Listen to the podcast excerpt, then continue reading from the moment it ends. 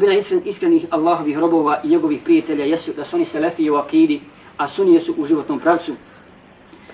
Dakle, to je ono što oni slijede. Slijede Kur'an i sunnet i to je jedini put koji vodi do dženneta.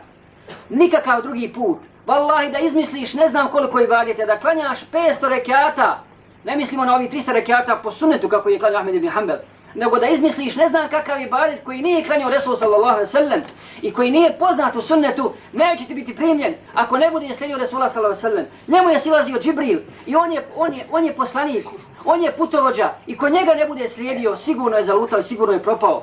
Vidjeli se slučaj Musa al-Ašarije koji je došao u Kufu. Došao u Kufu, a tamo je namjesni bio Abdullah il-Mas'ud. Pa kaže, svratio u mesjid i vidio je ljude okupljene u halki i nose, drže kamenje. Kaže, pred svakim je gomila kamenčića i imaju svog jednog predvodnika koji ih vodi u zikru i spominju i kažu, govore, o, on im kaže, recite toliko puta subhanallah, izvojite toliko kamenčića. Pa kada to ide Musa al-Ašari, kaže, ljudi što vi to radite? Začudio se.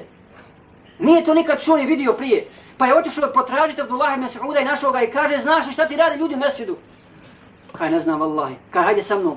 Pa kad su došli u mesjidu, i dalje to radi. Pa kaže Abdullah ibn Sa'uda, ljudi, bojte se Allaha, šta to radite? Kaže, zikrimo, spominjemo Allaha želešanu.